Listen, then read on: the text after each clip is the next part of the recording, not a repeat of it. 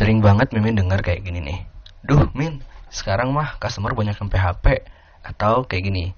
Sekarang orang-orang mah suka hit and run, Min. Abis ngisi format order, eh, nggak dibayar. Nah, pasti di antara kamu pernah kan ngalamin kayak gitu? Sama dong kita. Mimin juga pernah kok ngalamin yang kayak gitu. Nah, tapi kalau Mimin sih pelajari lagi nih. Kenapa sih dia ngegituin Mimin? Menurut Mimin mungkin karena ngomongnya kurang ramah lah atau nggak ada offer yang bikin dia segera belilah atau mungkin nggak ada yang bikin dia pengen buru-buru transfer lah atau hal lainnya. Coba deh, kamu introspeksi diri lagi. Buka chat-chat lama kamu sama mantan, eh, customer maksudnya. Terus lihat lagi kira-kira apa sih yang bikin dia sampai PHP-in kamu. Ayo semangat ya sobat muda, jangan lupa like, komen, dan share ya.